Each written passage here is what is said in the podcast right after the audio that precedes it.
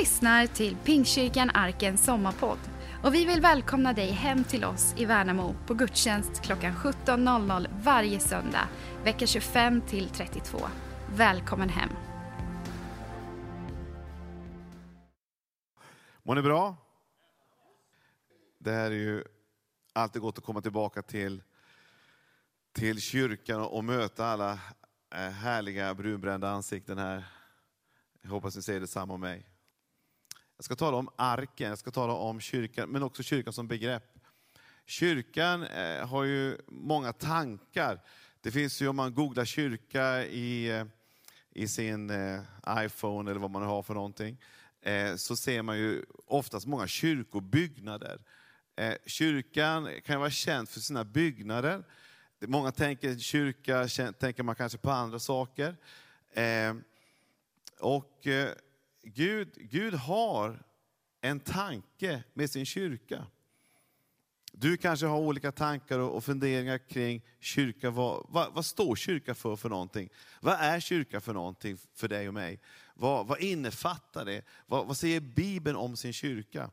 Jag ska försöka uppgradera begreppet kyrka lite grann. Så jag vill uppmuntra dig att uppgradera din kyrka. Det är min rubrik idag. Därför att det finns så mycket i den som vi kanske ännu inte har uppfattat och, och, och eh, sett vilka möjligheter det finns i kyrkan. Eh, det var en kyrka som startades på pingstdagen då 120 personer eh, samlades. Jag är inte säker på att de 120 personerna förstod vilken enorm kraft det fanns i begreppet kyrka. Jag tror ingen där kanske drömde om att den här kyrkan skulle spränga alla gränser, eh, etablera sig i Samarien, eh, i Asien, hela vägen ända upp till våra platser. Jag är inte säker på det. Men Gud hade en plan med sin kyrka och har fortfarande en plan med sin kyrka.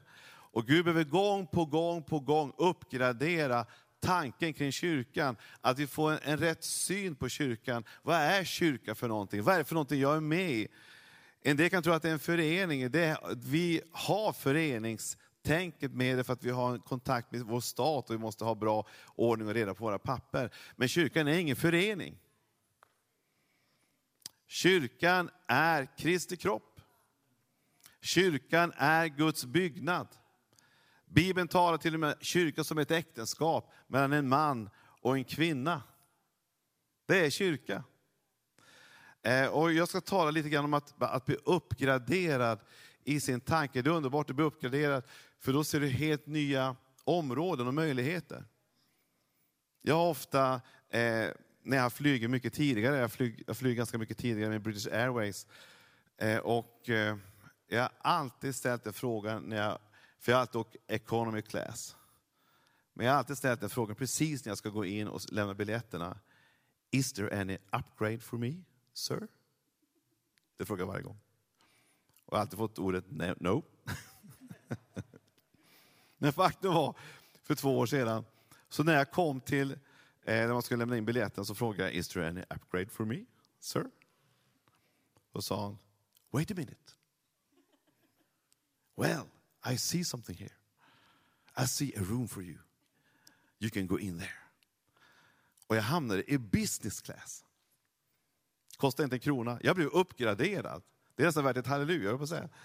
Så jag, jag satte mig där och var helt fascinerad över en, jag har aldrig suttit på sån plats tidigare. Men det var en helt ny värld. Helt plötsligt kunde man beställa juice när som helst. Och man fick popcorn när man ville. Och man fick en egen screen, man fick till och med en säng så här. Det var ju underbart, jag tänkte det här är ju livet, det är fantastiskt. Jag hade ingen aning om att, att det kunde vara så bekvämt att flyga. Jag har alltid åkt längst, längst tillbaka, alltid suttit. Någonstans långt där borta bland alla packväskorna. Där har jag suttit jämt, jämt, jämt. Helt så hamnar jag på en helt ny nivå. Jag blev uppgraderad. Och fick en helt ny möjlighet när det gäller att flyga. Jag såg en helt ny vinkel på flygandet som jag inte sett tidigare. Här fram, där fram var alla trevliga. Alla är vänliga. Det är service-minded hela vägen, ungefär till mitten av planet. det händer någonting. Men, men det var en fantastisk upplevelse att känna sig lite uppgraderad. Eh, och det var jätteroligt, ända tills kaptenen säger att det brinner i planet. Det kom rök överallt. Där försvann min uppgradering med den röken. Så jag fick gå ur planet. Och sen vart jag inte uppgraderad igen kan jag säga. Men så kan det gå. Men jag fick i alla fall känna på hur det kunde ha känts. Hela vägen till Singapore. Men min önskan med dig idag, är att du ska bli uppgraderad i din resa i kyrkan. Att du ska känna att du är med i någonting fantastiskt. Att du är med i någonting enastående. Att du är med i någon, en rörelse som kan förvandla och förändra den här världen. Som kan förändra det här landet. Som kan förändra den här kontinenten. Som kan förändra familjer. Som kan förändra äktenskap. Som kan förändra människors liv. Jag tror att vi behöver en uppgradering i vår förväntan vad den här platsen kan göra med en hel stad. Och Gud vill ge er en uppgradering vad det är att vara med i en kyrka. Och eh, följ med till en eh, text som finns i Efesierbrevet 1. Så står det så här, Paulus definition på kyrkan. Allt la han under hans fötter och honom som är huvudet över allting gav han till församlingen som är hans kropp. Fullheten av honom som uppfyller allt i alla. Det här är Paulus definition på kyrkan. Vad är kyrkan för någonting? Jo, det, det är församlingen som är hans kropp, fullheten av honom som uppfyller allt i alla. En annan översättning säger så här, som är lite lättare att förstå faktiskt. Den säger så här, för, församlingen är hans kropp och genom den är Kristi fullständiga närvarande bland människorna, han som uppfyller hela himlen och jorden. Och här finns det också ett annan översättning som säger så här, och i centrum för Kristi välde står hans välde över kyrkan, för kyrkan är inte ett bihang till världen. Det är världen som är ett bihang till kyrkan. Kyrkan är Kristi kropp som man talar och handlar genom, förverkligandet av den kraft som förverkligar allt i allt. Halleluja! Vad innebär det här? Det innebär att kyrkan är centrum av Värnamo. Det var inte mycket amen där kan jag säga. Men Gud, vi får att förstå att den här platsen, Guds största intresse när det gäller Värnamo, det är vad sker här? Och de andra kyrkorna självklart. För att det finns inte bara en kyrka, utan kyrkan är ju, är ju summan av alla kyrkor vi har i vår stad. Men det Bibeln kommunicerar är att kyrkan, det är inget bihang till världen, att kyrkan hela tiden ska följa efter världen. Och, och vara lite Kalle bakom. Utan kyrkan ska ta ledartröjan. När det gäller olika delar av samhället.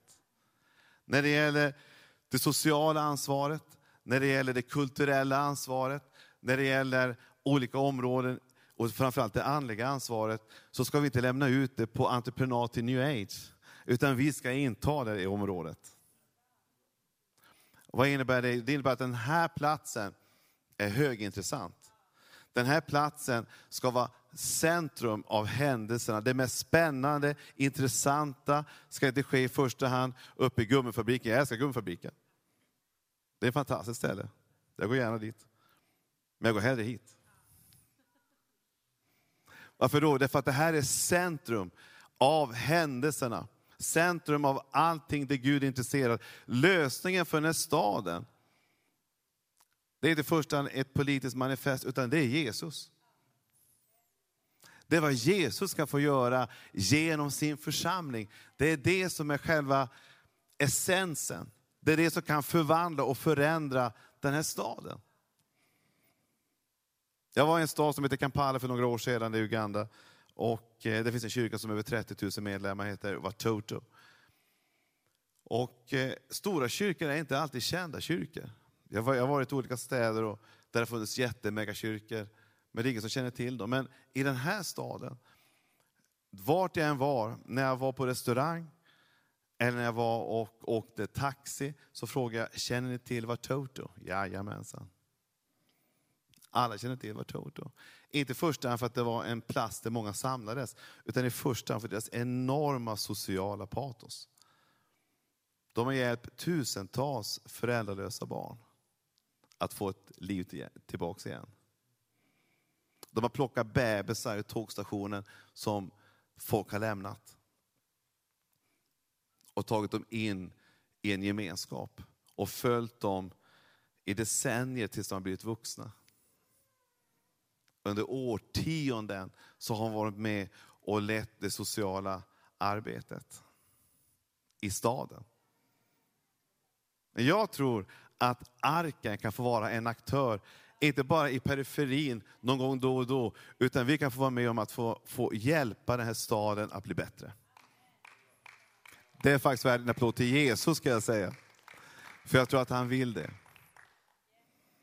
Han vill föra församlingen framåt. Men han vill också föra den här staden framåt. Så tanken som Jesus lägger fram, det är att församlingen är inget bihang, utan det är centrum av allt. Min dröm är, jag är inte i första hand bara, i första hand så är jag föreståndare för församlingen Arken, men jag känner att jag också, jag är faktiskt föreståndare och pastor för hela stan.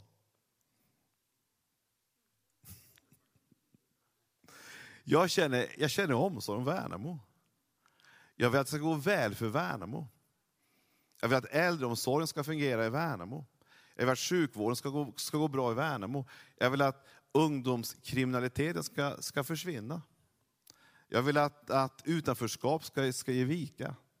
Jag vill se när stan blomstrar och bli den bästa platsen som finns här i Sverige. Det är mitt mål. Är det någon som hänger på? Det var några stycken. Jag har gått igenom och undersökt vad är egentligen målet för kommunen när det gäller den här stan. Vad är behovet? Och jag har googlat och jag har sökt och jag har funderat. Och det jag har fått fram det är att man vill bli fler. Man vill bli 6 000 till. Och jag tänkte, det är fantastiskt, det vill vi också. Så där är vi rörande överens. Vi kan börja där. Så vi vill ju vända flyttlassen. Om det är det största behovet i Värnamo att bli fler, då vill jag vara med. Men jag vet att det finns många, många, många andra behov, självklart. Det finns människor som känner utanförskap, det finns en stor ensamhet. Man är bekymrad hur man ska lösa vårdkrisen. Det finns många, många områden. Men vi vill vara en aktör på alla delar. Och vi vill vara med och påverka. Vi vill inte bara se i nyheterna, vi vill kliva fram. Amen. Så jag tror att arken kan vara ett center i Jesu namn för Värnamo. Jag tror det kan vara en plats där unga och äldre ständigt flödar in och blir uppmuntrade, inspirerade, kommer in i olika områden där man kan få hjälp. Vi kan ha ungdomscenter, vi kan ha center för att hjälpa äktenskap, vi kan göra en mängd olika insatser i det här samhället. Vi har så många lokaler som bara står där och väntar och som vi kan fylla med Värnamobor. Det är nästan ett visionstal här. Jag bara känner att nu börjar vi drömma ihop här. Allt börjar med en dröm. I have a dream var det någon som sa. Och jag tror att Gud vill att vi ska våga drömma lite grann. Därför att vi är inget bihang till världen och vi tittar på. Och vi är liksom, där är de och där är vi. Och vi står på torget och sjunger Han är med sång och med glädje, det är underbart att göra det. Men vi är en del av samhället också. Vi behöver både och. Och jag tror att Gud vill att du ska få tag i den hemligheten. Kyrka nummer två är expansiv och tålig. Hänger ni med? Vi är inget bihang, vi är centrum. Vi är expansiv och tåliga. Vi tål en hel del. Vi har hållit på i 2000 år och vi har ännu inte släckt igen. Så det är Jesus definierar vad församlingen är för någonting, säger han så här. Och jag säger till dig, du Petrus, på denna klippa ska jag bygga min församling. Jesus säger inte så ofta ordet församling, men här säger han det. Och det betyder de utkallade, de utkårade. Jag ska bygga min församling, Ecclesia, och helvetets portar ska inte få makt över den. Jag ska ge dig himmelrikets nycklar. Allt som du binder på jorden ska vara bundet i himmelen och allt som du löser på jorden ska, ska vara löst i himmelen. Det här är ingen liten grej mina vänner. Det här är Guds församling som är på väg att inta nya områden. Vad säger Jesus för någonting? Jag ska bygga min församling, det är ett pågående verk, något som håller på hela tiden. Och Jesus är hörnstenen, men han är också slutstenen, men det är fortfarande bygge pågår. I här i Värnamo, men också ut över hela Småland. Och det Bibeln säger här det är att helvetets portar ska inte kunna få någon makt över dig. Jag funderar väldigt mycket på den texten, många, många gånger funderar på hur ska en port få en makt över dig? Alltså, portar rör sig ju inte direkt. Jag funderar mycket på, på och jag, ibland har man tänkt att, att helvetet är på väg att utmana och vara offensiv. Men det jag tror texten säger är att, att när vi bygger Guds rike och vi börjar hjälpa människor ute i Värnamo. Vi börjar se människor ta emot Jesus, vi börjar se ungdomar ta emot Gud, vi börjar se saker och ting hända. Så är jag helt övertygad om att vi kommer hamna i konflikt i vissa lägen. Och inte med människor i första hand, utan mot andemakter och väldigheter. Därför att Bibeln säger att hela världen ligger i den ondes våld. Men jag har goda nyheter. Det finns en som har frälst mänskligheten. Och det är Jesus Kristus. För han kom för att ge liv till hela mänskligheten. Han kom för att rädda hela mänskligheten. Så det vi är mitt uppe i, det är ett befrielseverk tillsammans med Jesus. Allting är redan färdigt, allting är redan vunnet och Gud har redan tagit hela vägen fram. Men det vi får vara med om, det är att vara med om att expandera. Och jag tror att så länge en kyrka expanderar, så finns det ingenting som kan stå emot den. Så länge en kyrka är intresserade av, inte bara introverta saker, inte bara hur vi tänker runt omkring olika frågor, utan i första hand hur ska vi hjälpa människor? Hur ska vi rädda människor? Hur ska vi se mina grannar bli frälsta? Hur ska jag se mina arbetskollegor ta emot Jesus? Hur ska jag få se den där familjen som håller på att braka ihop, att bli upprättad och helad? När vi sysslar med sådana saker, då är kyrkan ostoppbar. Men det räcker att börja med andra interna frågor, de blir de stora frågorna, då är det inte lika enkelt. Då finns inte kraften likadant. Men Bibeln säger om en kyrka kliver in i vad den är, en expansiv kraft, då är den helt ostoppbar. Och i det laget vill jag vara med. Gud vill ge oss en tro på att det finns ingenting som kan stoppa en levande församling som börjar bry sig om sin omgivning och de människor som finns i ditt trapphus, närmast dig, vägg i vägg med, med, med din granne. Det finns människor som längtar efter en förändring. Och när kyrkan kliver in i det området, då finns det inte längre några gränser. Det tredje som församlingen är, vi kan ta den, den tredje punkten där. Kyrkan är, är samma kring ett namn som kan öppna alla dörrar. Vi går till bibeltexten som säger så här, att vidare säga er, om två av er här på jorden kommer överens om att be om något, vad det än är, så ska de få det av min far i himlen. För det två eller tre är samlade i mitt namn, där är jag mitt ibland dem. Hela den här texten, det handlar egentligen om, inte i första hand två eller tre, utan det, det handlar om församlingen, hela texten. Hur man skulle handskas när människor på olika sätt väcka av eh, viktiga principer. Hur ska man hantera de situationerna? Hur skulle församlingen hantera det? Så den här texten handlar väldigt mycket om, om församlingen. inte bara två eller tre, utan själva poängen är att, att där, där vi är samlade, när vi samlas, när vi kommer samman i hans namn, så händer någonting. Bibeln säger att en församling som ber har helt plötsligt inga gränser längre. Det finns inget tak längre. Utan Jesus säger, för det är två eller tre samlade i mitt namn, vi är tillsammans i hans namn. Där är jag mitt ibland dem. Och vi kan be om, vad vi än kommer överens om, kan vi be om och få se det bryta igenom.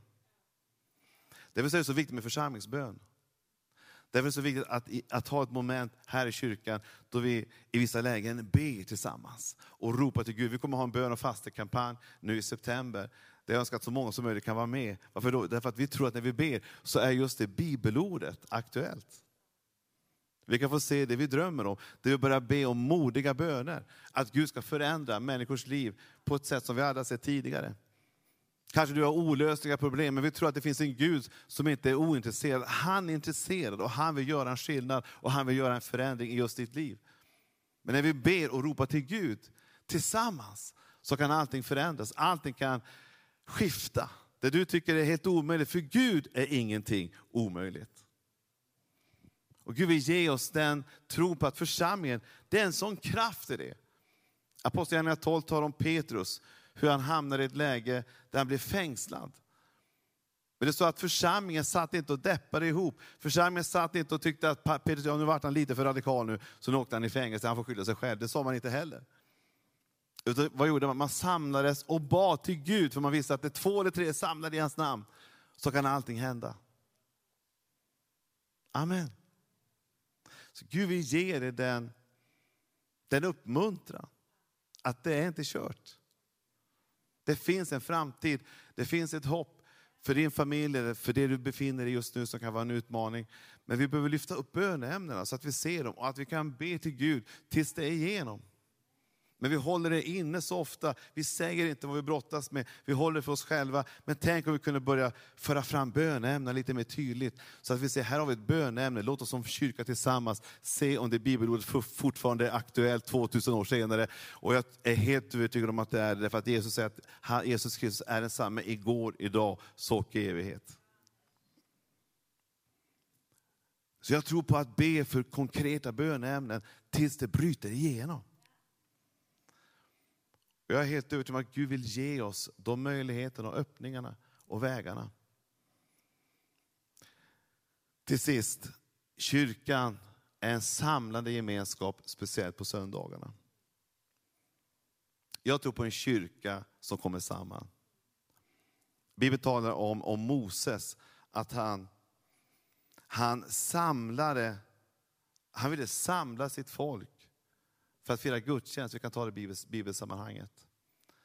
Därefter sa Herren till Mose, gå till farao och säg till honom, så säger Herren, släpp mitt folk så att de kan hålla gudstjänst åt mig. Vad var det Mose ville för någonting? Ja, han ville till det förlovade landet, men framför allt så ser vad Gud längtar efter, det är att få fira gudstjänst. Att samla sitt folk. Gud längtar att få se sitt folk komma samman. Jag menar att det finns platser här som är reserverade åt dig. De finns där för att Gud längtar efter att få se dig vara med. Varje söndag så finns det en plats för dig som är ett dukat bord där du kan få ta del av och äta Guds ord, äta Guds möjligheter, äta Guds lovsång och lovprisning och bli fylld och mätt i din inre värld. Vi behöver alla ständigt kalibreras, så vi driftar hela tiden i vår tanke, i våra beslut. Men Gud vill korrigera oss hela tiden och ge oss tro för en framtid. Och gudstjänsten är den absolut bästa platsen att komma samman, att prisa Jesus tillsammans med Guds folk. Varför då? Det är för att Gud vill det. Inte för att jag vill det, inte för att pastorn vill det, men Gud vill, han säger här, släpp mitt folk som är fångade ut i frihet så att de kan börja prisa mig tillsammans och upphöja mitt namn. Vad är det Gud vill? Gud vill samla sitt folk. Gud längtar långt mycket mer än vad du längtar efter gudstjänsten, så längtar Gud efter den. Varför då? Därför att han vill höra din röst, han vill se ditt hjärta, han vill se din längtan, han vill se din brustenhet, han vill se dina utmaningar, han vill se allt det komma samman. För vi är inte först en förening, vi är en familj. Vi är en familj. Om någon saknas så saknas den. Då får man facetima och leta rätt på vart det är någonstans. Där ser jag ett ansikte, härligt. Jag tror Gud facetimar ganska mycket ibland. Och kolla vad det är allihopa. Om det räcker med att en saknas, så saknas den personen. Gud saknar någonting. Han saknar det förlorade fåret, han saknar den förlorade penningen, han saknar den förlorade sonen. Gud saknar. Men han är glad när han finner det. när vi kommer samman och prisar Jesus och upphöjer hans namn, så finns det ett välbehag. Där allting är möjligt, därför att Gud vill samla sin familj till middagsmåltid ständigt. Nyligen så, så var jag i, vi var på semester, men vi blev avbrutna därför att en av våra döttrar var i London. Och på väg till flyget så blev hon bestulen på sitt pass. Och eh, hon ringde, jag har inget pass. Vad ska jag göra? Jag vet inte, så jag. Jag hade varit med om en sån situation, för jag var i Sverige och hon var i England, i London. Och alla kompisarna fick hon vinka av, för hon kunde inte åka med flyget för att hon, hon hade inget pass. Så hon var ensam med det, 16 år gammal. Vart var ledarna? kan man fundera över. Så hon stod där helt ensam. Min bror, eller min, min, min bror, min, eh, min, min, hennes bror, min son var kvar en dag till för att hjälpa henne. Men sen var han, han tvungen att åka iväg. Och jag ringde runt och tittade åt alla olika håll och fick reda på att man måste till svenska ambassaden i London. Och du måste vara där som förälder. Och du måste ha medgivande från din, din, din, din, din, eh, den du är gift med. Så jag fick ju sätta mig på ett plan. Åka över till London, bara sådär. Helt surrealistiskt. Men vilken glädje det var när jag såg Debora. Då kände jag, vi hör ihop. Vi är familj. Jag ska rädda dig. Du ska till Sverige. Var lugn, vi fixar det här. Vi går och käkar lite calamari först. Sen kommer vi ordna det här med ambassaden och alla biljetterna kommer att fixas. Men det är klart att man åker hela vägen till England och, och betalar hur många tusenlappar som helst. Tack och lov att det finns försäkringar idag. som kan täcka en del av det. Men det är klart man gör det. Varför då? Det är ju en som är borta. Jag gör vad som helst för att få in den in i familjen igen. Allt handlar om närvaro. Och jag tror att närvaro är underskattat. Närvaro är någonting som jag är helt övertygad om kan faktiskt frälsa den här världen. Om vi är närvarande så kommer fler att vara närvarande. Men om ingen är här, då kommer ingen. Hänger ni med? Hur ska vi få folk till kyrkan? Ja, det är bra om du börjar med att komma hit. Hur ska vi frälsa världen? Ja, det är bra om du börjar gå i kyrkan så att du kan visa ett exempel. Hur ska vi få folk att komma hit? Ja, det är bra att vi har folk som möter upp de människor som kommer hit, så att de har någon att prata med. Så jag älskar det skriftstället, därför att Gud backar upp det helt och hållet. Det handlar om att, att tillsammans så kommer vi inför Herren och tillber honom för att han är värd det. Därför att vi är familj och vi har en pappa, en far i himlen som har ett stort jättehärligt ekbord han vill träffa alla runt.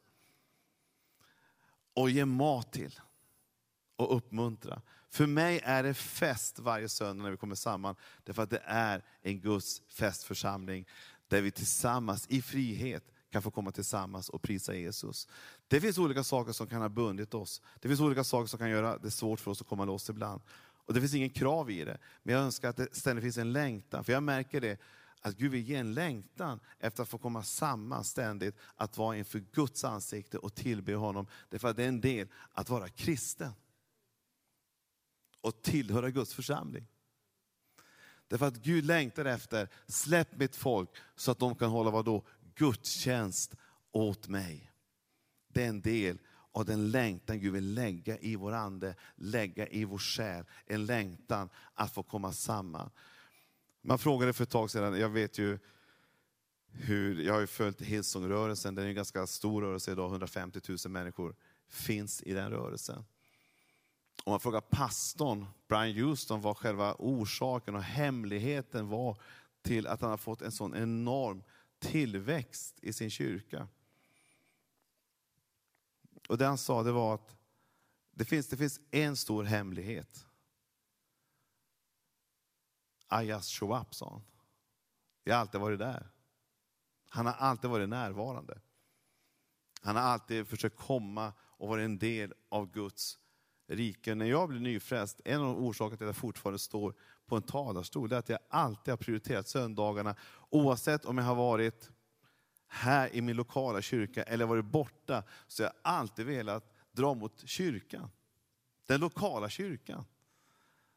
Därför att det finns ett tempo i Guds rike, Kronos. Det finns en, en tidsaxel, det finns ett tempo som Gud har gett oss. Och Gud vill inte att vi kommer ur det tempot. Det finns påsk, det finns pingst, det finns jul. Alla de här olika delarna finns där som en tidsaxel, som är någonting som Gud har gett oss och som han vill att vi ska kliva in i, därför att Gud har ett tempo.